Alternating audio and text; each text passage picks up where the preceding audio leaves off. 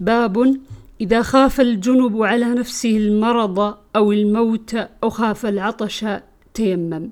ويذكر أن عمرو بن العاص أجنب في ليلة باردة فتيمم وتلا ولا تقتلوا أنفسكم إن الله كان بكم رحيما. فذكر للنبي صلى الله عليه وسلم فلم يعنف.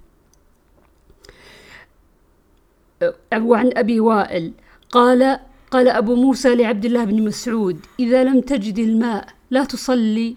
قال عبد الله لو رخصت لهم في هذا كان إذا وجد أحدهم البرد قال هكذا.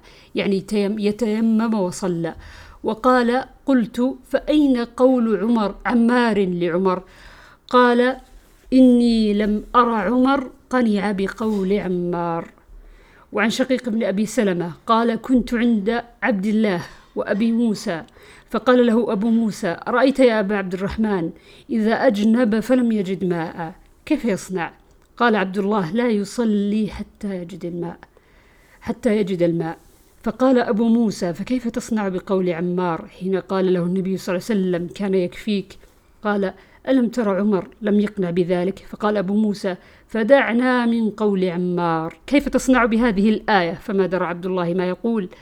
فقال إنا لو رخصنا لهم في هذا لأوشك إذا برد على أحدهم الماء أن يدعه ويتيمم. فقلت لشقيق فإنما كره عبد الله لهذا. قال نعم. باب التيمم ضربة. وعن شقيق قال كنت جالسا مع عبد الله وأبي موسى الأشعري. فقال له أبو موسى لو أن رجلا أجنب فلم يجد الماء شهرا. ما كان يتيمم ويصلي فكيف تصنعون في سورة المائدة؟ فلم تجدوا ماء فتيمموا صعيدا طيبا. فقال عبد الله لو رخص لهم في هذا لأوشكوا إذا برد عليهم الماء أن يتيمموا الصعيد. قلت وإنما كرهتم هذا لذا؟ قال نعم. فقال أبو موسى ألم تسمع قول عمار لعمر بعثني رسول الله صلى الله عليه وسلم في حاجة فأجنبت فلم أجد الماء؟ فتمرغت في الصعيد كما تمرغ الدابة فذكرت ذلك للنبي صلى الله عليه وسلم فقال إنما يكفيك أن تصنع هكذا. فضرب بكفه ضربة على الأرض ثم نفضها ثم مسح بها ظهر كفه بشماله أو ظهر شماله بكفه ثم مسح بها وجهه. فقال عبد الله ألم تر عمر لم يقنع بقول عمار؟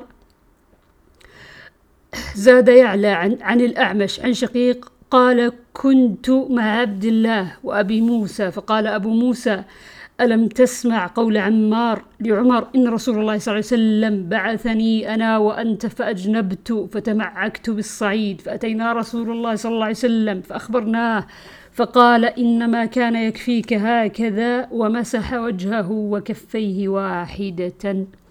باب عن عمران بن الحصين الخزاعي أن رسول الله صلى الله عليه وسلم رأى رجلا معتزلا لم يصلي في القوم فقال يا فلان ما منعك أن تصلي في القوم؟ فقال يا رسول الله أصابتني جنابة ولا ماء قال عليك بالصعيد فإنه يكفيك.